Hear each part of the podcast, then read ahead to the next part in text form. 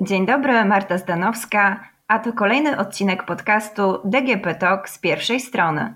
Dziś będziemy rozmawiać o trwającym proteście pracowników ochrony zdrowia. Naszym gościem jest Jan Świtała, ratownik medyczny. Dzień dobry. Dzień dobry. Pierwszym tygodniu września w Warszawie nie wyjechało blisko 50% zespołów ratownictwa medycznego. W wielu miejscach w Polsce ratownicy składają wypowiedzenia. Z kolei 11 września ulicami stolicy przeszła bardzo duża, ponad 30-tysięczna manifestacja medyków oraz ich sojuszników, po której pod kancelarią premiera zostało rozbite Białe Miasteczko, które jest tam do dziś i według zapowiedzi ma pozostać aż do czasu spełnienia postulatów protestujących. Rozważane jest także wszczynanie sporów zbiorowych w szpitalach i strajk generalny. O tym, że sytuacja w publicznej służbie zdrowia jest zła i że jest ona skrajnie niedofinansowana, mówiło się od lat. Dlaczego tak duży protest ma miejsce teraz?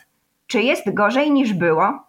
Co sprawiło, że pan doszedł już do ściany i zdecydował się złożyć wypowiedzenie z pracy, a także wielu innych medyków postanowiło powiedzieć temu systemowi dość? Ojej, jest kilka pytań w jednym. Postaram się odpowiedzieć na wszystkie. Gdybym o którymś zapomniał, to będę prosił o powtórzenie. Natomiast od samego końca tak, zdecydowanie jest gorzej niż kiedyś. Katastrofa w ochronie zdrowia to nie jest coś, co wydarzyło się nagle. To jest raczkujący, później biegnący, a w tym momencie już galopujący proces. I z dnia na dzień, z godziny na godzinę, z tygodnia na tydzień jest gorzej w całym systemie. E, problemów jest wiele i jakby to niedofinansowanie systemu ochrony zdrowia w Polsce jest tym najbardziej medialnym, tym, o, której, o którym wielu ludziom bardzo łatwo jest rozmawiać, ponieważ ochrona zdrowia e, czy praca medyków ma to do siebie, że jest jest trudnym zagadnieniem i niezrozumiałym dla większości społeczeństwa, ponieważ mało kto, tak, w ogóle liczba medyków w Polsce jest, jest bardzo mała. Ludzie budują sobie wyobrażenia o nas, o tym, czym my się zajmujemy, głównie na podstawie seriali medycznych czy filmów, a tak naprawdę ma to bardzo mało z, wspólnego z taką codziennością, czy to w szpitalach, czy w zespołach ratownictwa medycznego, czy, czy chociażby na, na, na sorze. I teraz tak, jeżeli chodzi o mnie i o to, dlaczego ratownicy medyczni w całej Polsce składają te wypowiedzenia, wynika to tylko, czy wynika to przede wszystkim z tego, że my jako zawód medyczny, jeden z najmłodszych zawodów medycznych, nie możemy cały czas dogadać się z, z Ministerstwem Zdrowia o nas jako o, o tak naprawdę o odrębnym zawodzie. Zostaliśmy wrzuceni w jednej z ostatnich ustaw do, do grupy tak zwanego innego zawodu medycznego. E, jako ratownicy medyczni nie mamy ustawy o naszym samorządzie, czy w ogóle by o nas, o naszym zawodzie, o, nie mamy naszego samorządu. Tak naprawdę to, kim ja jestem i kim, e, jakby co mogę robić w pracy, reguluje ustawa o Państwowym Ratownictwie Medycznym, która jest jednym z najgorszych aktów w ogóle prawnych w historii współczesnej Polski, to tak w wielkim skrócie jakby uprawnienia policjantów e, regulowała ustawa o kodeks o ruchu drogowym, trochę ustawa o broni palnej, ale suma summarum nie mieliby swojej, swojej własnej ustawy. My walczymy nie tylko o pieniądze, walczymy też o jakość naszej pracy, o to, że, żebyśmy mogli sami w naszym gronie decydować o tym, jak to ratownictwo medyczne w Polsce ma wyglądać. Chcemy się rozwijać zgodnie z aktualną wiedzą.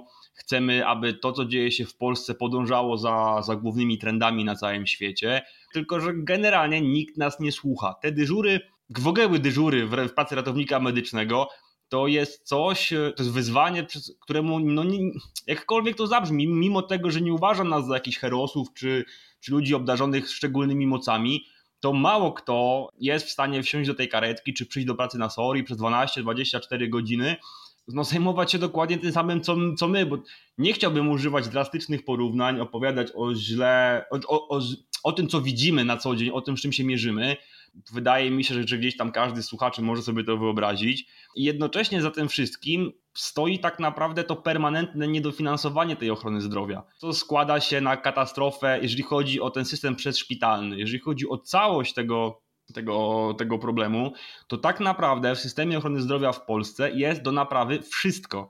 Mówimy tutaj o zarówno o, o, ścieżkach kształcenia, czy to, czy to będą lekarze, czy pielęgniarki, czy właśnie ratownicy medyczni, czy fizjoterapeuci i tak dalej. Mówimy tutaj o chronicznym niedofinansowaniu chociażby infrastruktury, bo tak naprawdę i pokazała to pandemia, która wciąż trwa, my do, napraw- do zbudowania mamy chociażby przychodnie podstawowej opieki zdrowotnej, tak, żeby można je było w sposób bezpieczny przystosować do pracy w trakcie zagrożenia epidemiologicznego.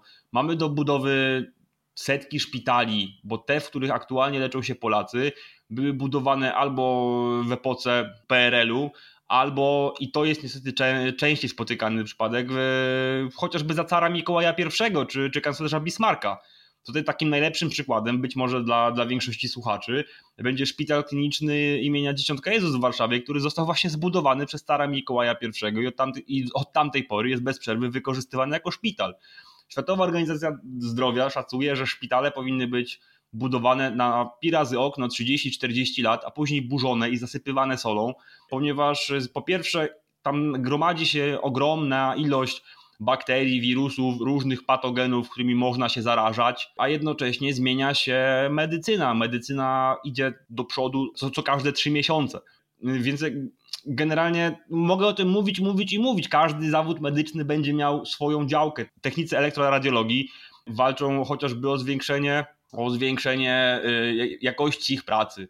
E, lekarze walczą też między innymi o zmniejszenie biurokracji, jaką się, jaką się ich obarcza. To też być może słuchacze tego nie wiedzą, ale to lekarz, który wystawia receptę i na przykład decyduje o, o tym, czy dany pacjent podlega refundacji lub nie, w razie pomyłki, to jakby to on ponosi odpowiedzialność za to. E, takich kruczków i małych lub większych problemów są setki, jeżeli nie dziesiątki tysięcy. I teraz to, co się wydarzyło w ostatnim czasie, to pandemia. Pandemia, która zmusiła nas wszystkich, jako, jako ludzi pracujących na co dzień w tym systemie ochrony zdrowia, do jeszcze większego wysiłku. My zawsze pracowaliśmy za, za półtorej człowieka, za dwóch, to teraz pracowaliśmy za trzech, za czterech, za sześciu. E, I tylko kiedy to na moment przy, przyhamowało, dostaliśmy dwa, dwa przepotężne nawet nie to, że, że kopniaki, ale takie, takie akty, nawet nie wiem jak to nazwać, żeby nie używać słów powszechnie uznanych za wulgarne, ale ministerstwo e, przy aprobacie rządu wykonało dwa, dwa dramatycznie nieodpowiedzialne ruchy. Pierwszy to był nagły, e, nagłe wycofanie dodatku covidowego. I nie chodzi tu o to, że on został wycofany, bo my to wszyscy, wszyscy wiedzieliśmy, że on będzie wycofany. Tylko nagle z dnia na dzień i to nie oficjalnymi kanałami, tylko całkiem przypadkiem wyciekło pismo bodajże z, z centrali poznańskiego NFZ-u, w którym ktoś informuje kogoś o tym, że od 1 czerwca dodatek przestaje obowiązywać. No to, to, to jest tak, jakby każdy z Państwa dowiedział się przypadkiem od kolegi na przerwie w firmie, że od jutra zmieniają się warunki jego wynagradzania, ale nikt mu o tym nie zdążył powiedzieć, a on już się zadeklarował, jak będzie wyglądał ten lub więcej miesięcy naprzód, jeżeli chodzi o pracę. Drugi to przyjęcie ustawy o minimalnych wynagrodzeniach w sektorze ochrony zdrowia. W przypadku ratowników medycznych, w związku z tym, że zostaliśmy wrzuceni do, do tej grupy inne, innych zawodów medycznych, Ministerstwo Zdrowia zaproponowało nam jako minimalną i w wielu przypadkach maksymalną wypłatę w wysokości bodajże 0,83 średniej krajowej. E, jednocześnie nazywając to podwyżką. I to jest, to jest mo, można to generalnie nazwać podniżką wynagrodzenia, ponieważ przed tym zapisem moja pensja brutto wynosiła 2800, przepraszam, 2700 zł podstawy. Do tego dostawaliśmy 1600 zł podwójnie opodatkowanego, czyli brutto, brutto dodatku ministerialnego. I teraz pieniądze z tego dodatku zostały zabrane i włożone do tej podstawy.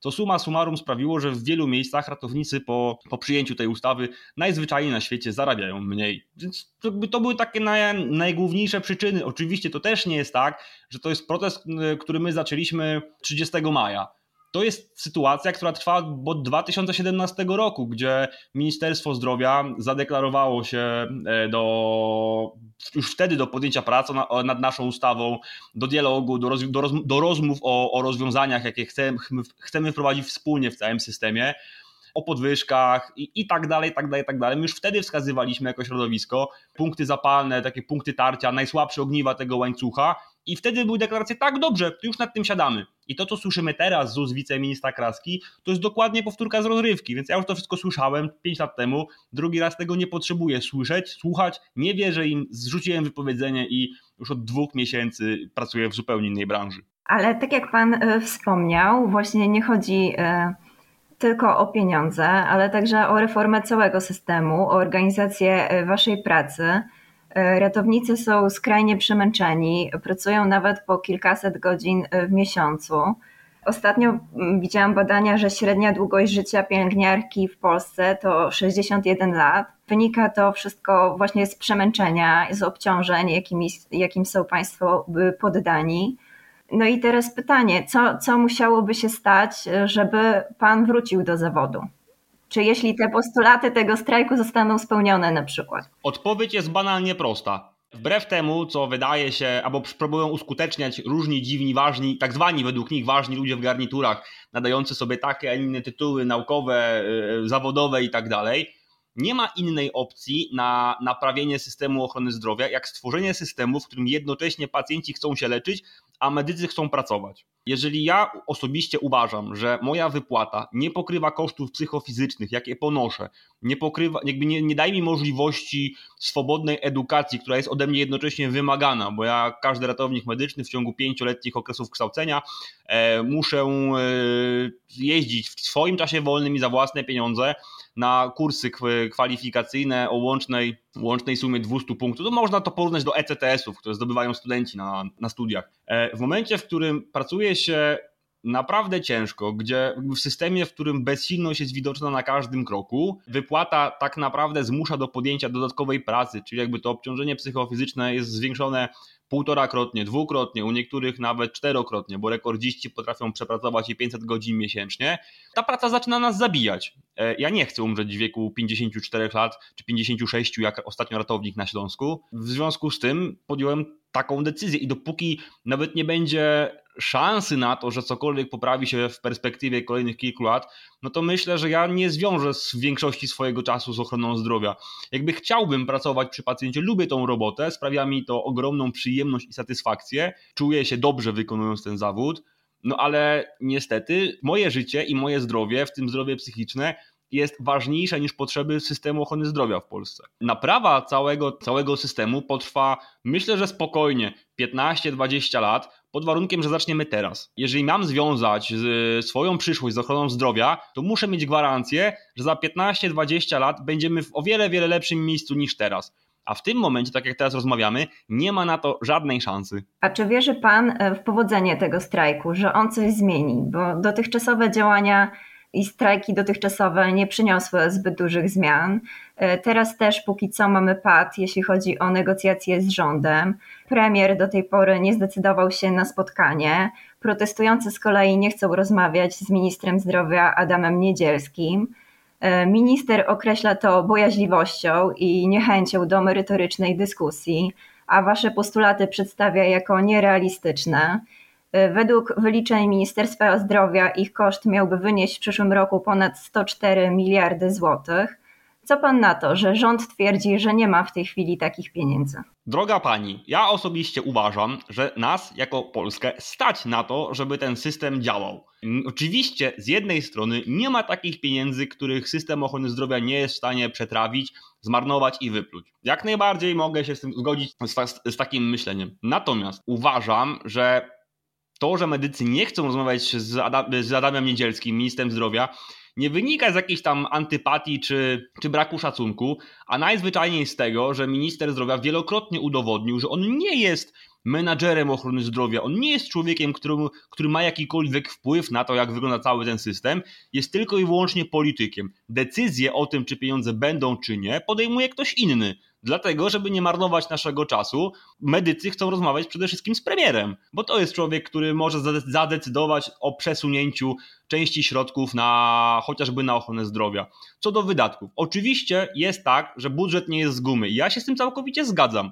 Tylko pojawia się pytanie, czy w państwie, w którym nie wyjeżdżają karetki pogotowia ratunkowego, na pewno najpilniejszym wydatkiem jest odbudowa Pałacu Saskiego oraz zakup amerykańskich czołgów. Jednocześnie y, można wprowadzić różne formy finansowania ochrony zdrowia. Bodajże w Czechach istnieje formuła współpłacenia, czyli zgłaszając się do lekarza pierwszego kontaktu lub na szpitalny oddział ratunkowy, ponosi pani, czy płaci pani jakąś tam część e, kosztów związanych z pani pobytem. Może być to ryczałt, niech będzie to 10 zł za wizytę u lekarza pierwszego kontaktu, niech będzie to 25 za przyjście na SOR. Ilość e, pacjentów, która codziennie wymaga, która codziennie wymaga zaopatrzenia w ramach chociażby szpitalnego oddziału ratunkowego, spokojnie wystarczyłaby na, na zatrudnienie dodatkowych osób i zapłacenie im naprawdę godziwej pensji. Jakkolwiek dziwnie to zabrzmi, jeżeli jesteśmy uważamy, że nie mamy na coś pieniędzy, musimy zacząć szukać ich także gdzieś indziej. Jeżeli wszyscy zgodzimy się, a tak wydaje mi się, że zgodzimy się w Polsce, w państwie, w którym dużo mówi się o życiu, o tym, że jest najważniejsze, że ochrona życia jest tak ważna i wszystkie inne wartości będą wartościami niższymi, Dlaczego nie mielibyśmy od 1 października wprowadzić chociażby sprzedaży marihuany na takich samych zasadach, jak sprzedaje się obecnie alkohol? Prawie że wszędzie i jest dostępny o każdej porze dnia i doby, z zaznaczeniem, że połowa podatków poszłaby od razu na konto ochrony zdrowia. Podejrzewam, że na przykładzie innych państw pieniądze zaczęłyby się z tego garnuszka wysypywać. Tylko wystarczy usiąść i chcieć to zrobić. I menadżer w ochronie zdrowia szukałby takich rozwiązań a to jest polityk, który ma za zadanie gasić tylko i wyłącznie pożary, tak żeby temat ochrony zdrowia nie przeważył na kolejnych wyborach, jakie się zbliżają. I jakby tak jest moje zdanie. Co do tego, czy protest ma szansę się udać, oczywiście, że ma, bo w przeciwieństwie do wielu innych protestów, to nie jest sytuacja, gdzie my się dogadujemy jako, jako całe środowisko i są międzyzakładowe centrale strajkowe, my się komunikujemy. Nie, to jest jedno wielkie tsunami niezadowolenia i najzwyczajniej na świecie przewartościowania swojego życia jeżeli kolejna grupa ratowników medycznych odbija się od ściany gdzieś w Białymstoku, później w, w Warszawie, we Wrocławiu, w Gdańsku i tak dalej, to nie są ludzie, z którymi my siedzimy na, na, komunikatorach społecznościowych i dyskutujemy, ile jeszcze wytrzymacie, tylko to są ludzie, którzy rzucają wypowiedzenie, następnego dnia zaczynają sobie szukać innej pracy, takiej, w której są doceniani. Część idzie do, do sektora prywatnego, część wyjeżdża z kraju, jakby to nie są ludzie, którzy czekają albo chcą w ogóle dyskutować z, minister, z Ministerstwem Zdrowia. Oni oznajmiają, że wrócą pod warunkiem, że będzie im się to najzwyczajniej na świecie i szeroko to, szerokotorowo opłacać. Będzie to system, w którym oni chcą pracować. Też warto podkreślić a propos szukania pieniędzy, że niedawno znalazły się na podwyżki dla polityków, co też mogło być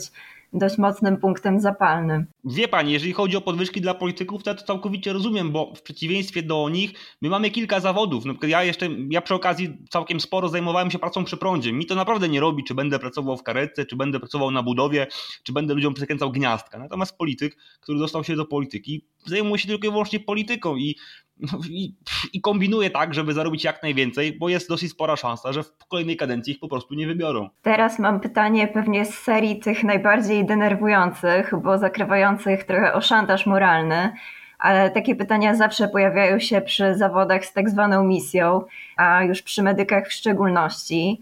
Ale na pewno taka obawa istnieje, więc muszę je zadać, no bo bez względu na okoliczności protestu, Codziennie tysiące Polaków potrzebują natychmiastowej pomocy medycznej ratującej życie i zdrowie. Zbliża się także możliwa czwarta fala pandemii koronawirusa. Czy nie boi się Pan, że w wyniku braku personelu medycznego dojdzie do licznych tragedii, a winą za nie zostaną obarczeni Państwo jako ci, którzy odeszli od łóżek pacjentów? Droga pani, ale do, do, tych licznych tragedii dochodzi codziennie, dochodziło już dużo, dużo wcześniej, dochodziło też za rządów Platformy, a wcześniej poprzednich rządów PiSu, a wcześniej poprzednich rządów SLD i tak dalej. To się dzieje, to się działo, teraz po prostu jest o tym głośniej, bo dotyka to o wiele, wiele większą grupę ludzi. Oczywiście, że te szantaże moralne się pojawiają, tylko wie pani, to jest tak jakbym szantażował e, byłego kierowcę MPK, że autobusy we Wrocławiu nie jeżdżą jakby oczywiście ja, ja, to rozumiem, ale ja posłuchałem się rad, które przeczytałem na, na wielu stronach internetowych, gdzie, gdzie Polacy komentowali e, nasze działania, wziąłem się i zmieniłem branżę. Więc jakby no to spełniłem ich żądania. No mi teraz jest lepiej niż było mi dwa miesiące temu. Oczywistym jest, że ta nuta taka, jeżeli chodzi o powołanie, yy, czy przysięgi Hipokratesa, Hipokryty i innego erudyty, jakby one cały czas rezonują, tylko pokazują, że wypowiadają się bardzo głośno, a w sumie to najgłośniej ludzie, którzy nie mają zielonego pojęcia o czym mówią. My, jako ratownicy medyczni, a przynajmniej mogę się wypowiadać za tych kilkunastu kolegów, których lubię i kiedyś dostałem od nich prawo do reprezentowania ich w mediach, Mówimy o tym głośno. Nasze powołanie polega na tym, że ja nie zwymiotuję na swoje buty, kiedy widzę obok siebie człowieka, który ma urwaną rękę. Moje powołanie polega na tym, że uczę się, jak uśmierzać ból ostry, i jak postępować z dzieckiem, które na przykład straciło teraz wszystkie palce, a nie na tym, że będę wykonywał swoją pracę za miskę ryżu. Odpowiedzialny za działanie systemu ratownictwa medycznego jest wojewoda, nie ja. Ja jestem odpowiedzialny za siebie i swojego pacjenta. Każda książka do medycyny ratunkowej, podręcznik, każdy kurs zaczyna się od zdania, że najważniejsze jest bezpieczeństwo ratownika. Jeżeli ratownik jest w zagrożeniu, jest, nie jest dla niego bezpiecznie, należy zrobić krok do tyłu w systemie ochrony zdrowia w Polsce w tym momencie nie jest dla nas bezpiecznie. Jeżeli nie zrobimy kroku do tyłu, to równie dobrze każdy z nas mógłby oddać dyplom, bo to będzie oznaczało, że nie zrozumiał najważniejszej lekcji ze studiów. Ja się i tak boję, boję się o swoją rodzinę, boję się o swoich najbliższych, boję się o swoich znajomych, ale bałem się także wcześniej. Problemy w ochronie zdrowia narastają od dawna. Ja o tym głośno mówię od blisko dwóch lat. E, spokojnie od pięciu jestem z tym systemem związany i od pięciu lat żaden minister, żaden polityk, żaden decydent nie zrobił nic, co poprawiłoby naszą sytuację. Więc to tam trzeba kierować skargi, żale, zażalenia. Ja od tego po prostu najzwyczajniej na świecie umywam ręce. Ja swoje zrobiłem. I moje sukcesy chodzą po, po chodnikach, przytulają się do swoich bliskich. Naprawdę rozumiem, że niektórzy, niektórzy mogą bać się trochę bardziej, no ale być może jest to motywacja do tego, żeby w kolejnym marszu poszli razem z nami. No właśnie, a czy czują Państwo poparcie społeczne? Bo myślę, że w dużej mierze powodzenie Państwa protestu może właśnie od tego zależeć. Jeżeli chodzi o o to, czy czujemy, to tak, bo ta grupa ludzi, którzy interesują się w ogóle już nie tylko ochroną zdrowia, ale w ogóle tym, jak działa państwo i co się w tym państwie dzieje, jest z roku na rok coraz większa. Widać to zainteresowanie, widać ten rosnący brak obojętności, widać zaangażowanie i to jest y, powód do dumy. Jednocześnie jest dość spora grupa, która jest bardzo podatna na właśnie na argumenty oparte na emocjach, na propagandę i tak dalej. To są ludzie, którzy naprawdę wierzą, że my jesteśmy w jakimś wielkim światowym tajnym spisku, że bierzemy pieniądze od, od Reptilian, Sorosa. E, ja sam kilkanaście razy usłyszałem, że jestem doktorem Mengele, bo szczepiąc ludzi e, i tak naprawdę ich zabijamy. Jest mi z tego powodu bardzo wszystko jedno, ponieważ ja, tak jak mówiłem wcześniej, swoje zrobiłem. Oczywiście zgadzam się z twierdzeniem, że jeżeli dojdzie do jakichkolwiek zmian, to zadecyduje o tym społeczeństwo, nie my. Piłka jest w grze po stronie społeczeństwa. Jeżeli nam wszystkim jako obywatelom będzie zależało na sensownej ochronie zdrowia, na lepszym stosunku ceny do jakości i tak dalej, tak dalej, tak dalej, to być może uda nam się wszystkim zmusić rządzących do debaty, bo tej debaty trzeba zacząć moim zdaniem, ponad podziałami politycznymi i tak naprawdę bez robienia sobie na tym politycznej kariery. To dotyczy nas wszystkich. Jeżeli pozwolimy, by tematy dotyczące właśnie ochrony zdrowia były cały czas y, przedmiotem rozgrywki między poszczególnymi partiami i tak dalej, no to będzie tak jak jest teraz. Oczywiście możemy się nie zgadzać w wielu kwestiach, ale jeżeli dyskutują o czymś eksperci, zarówno medycy, jak i ekonomiści, socjologowie, bo ci też są bardzo ważni wbrew pozorom, to jest szansa na to, że w ciągu 10 czy 15 lat stworzymy sobie system dalece lepszy od tego, który mamy teraz. Ale musimy zacząć. A tutaj nikt nie zaczyna. W takim razie e, na koniec, może ostatnie pytanie. Jakby Pan właśnie przekonał pacjentów, że ten protest leży także w ich interesie? Znaczy, ja jestem człowiekiem, który cały czas mówi głośno o tym, że na, na wydatki dotyczące ochrony zdrowia należy przestać patrzeć jak na koszta, a zacząć patrzeć jak na inwestycje.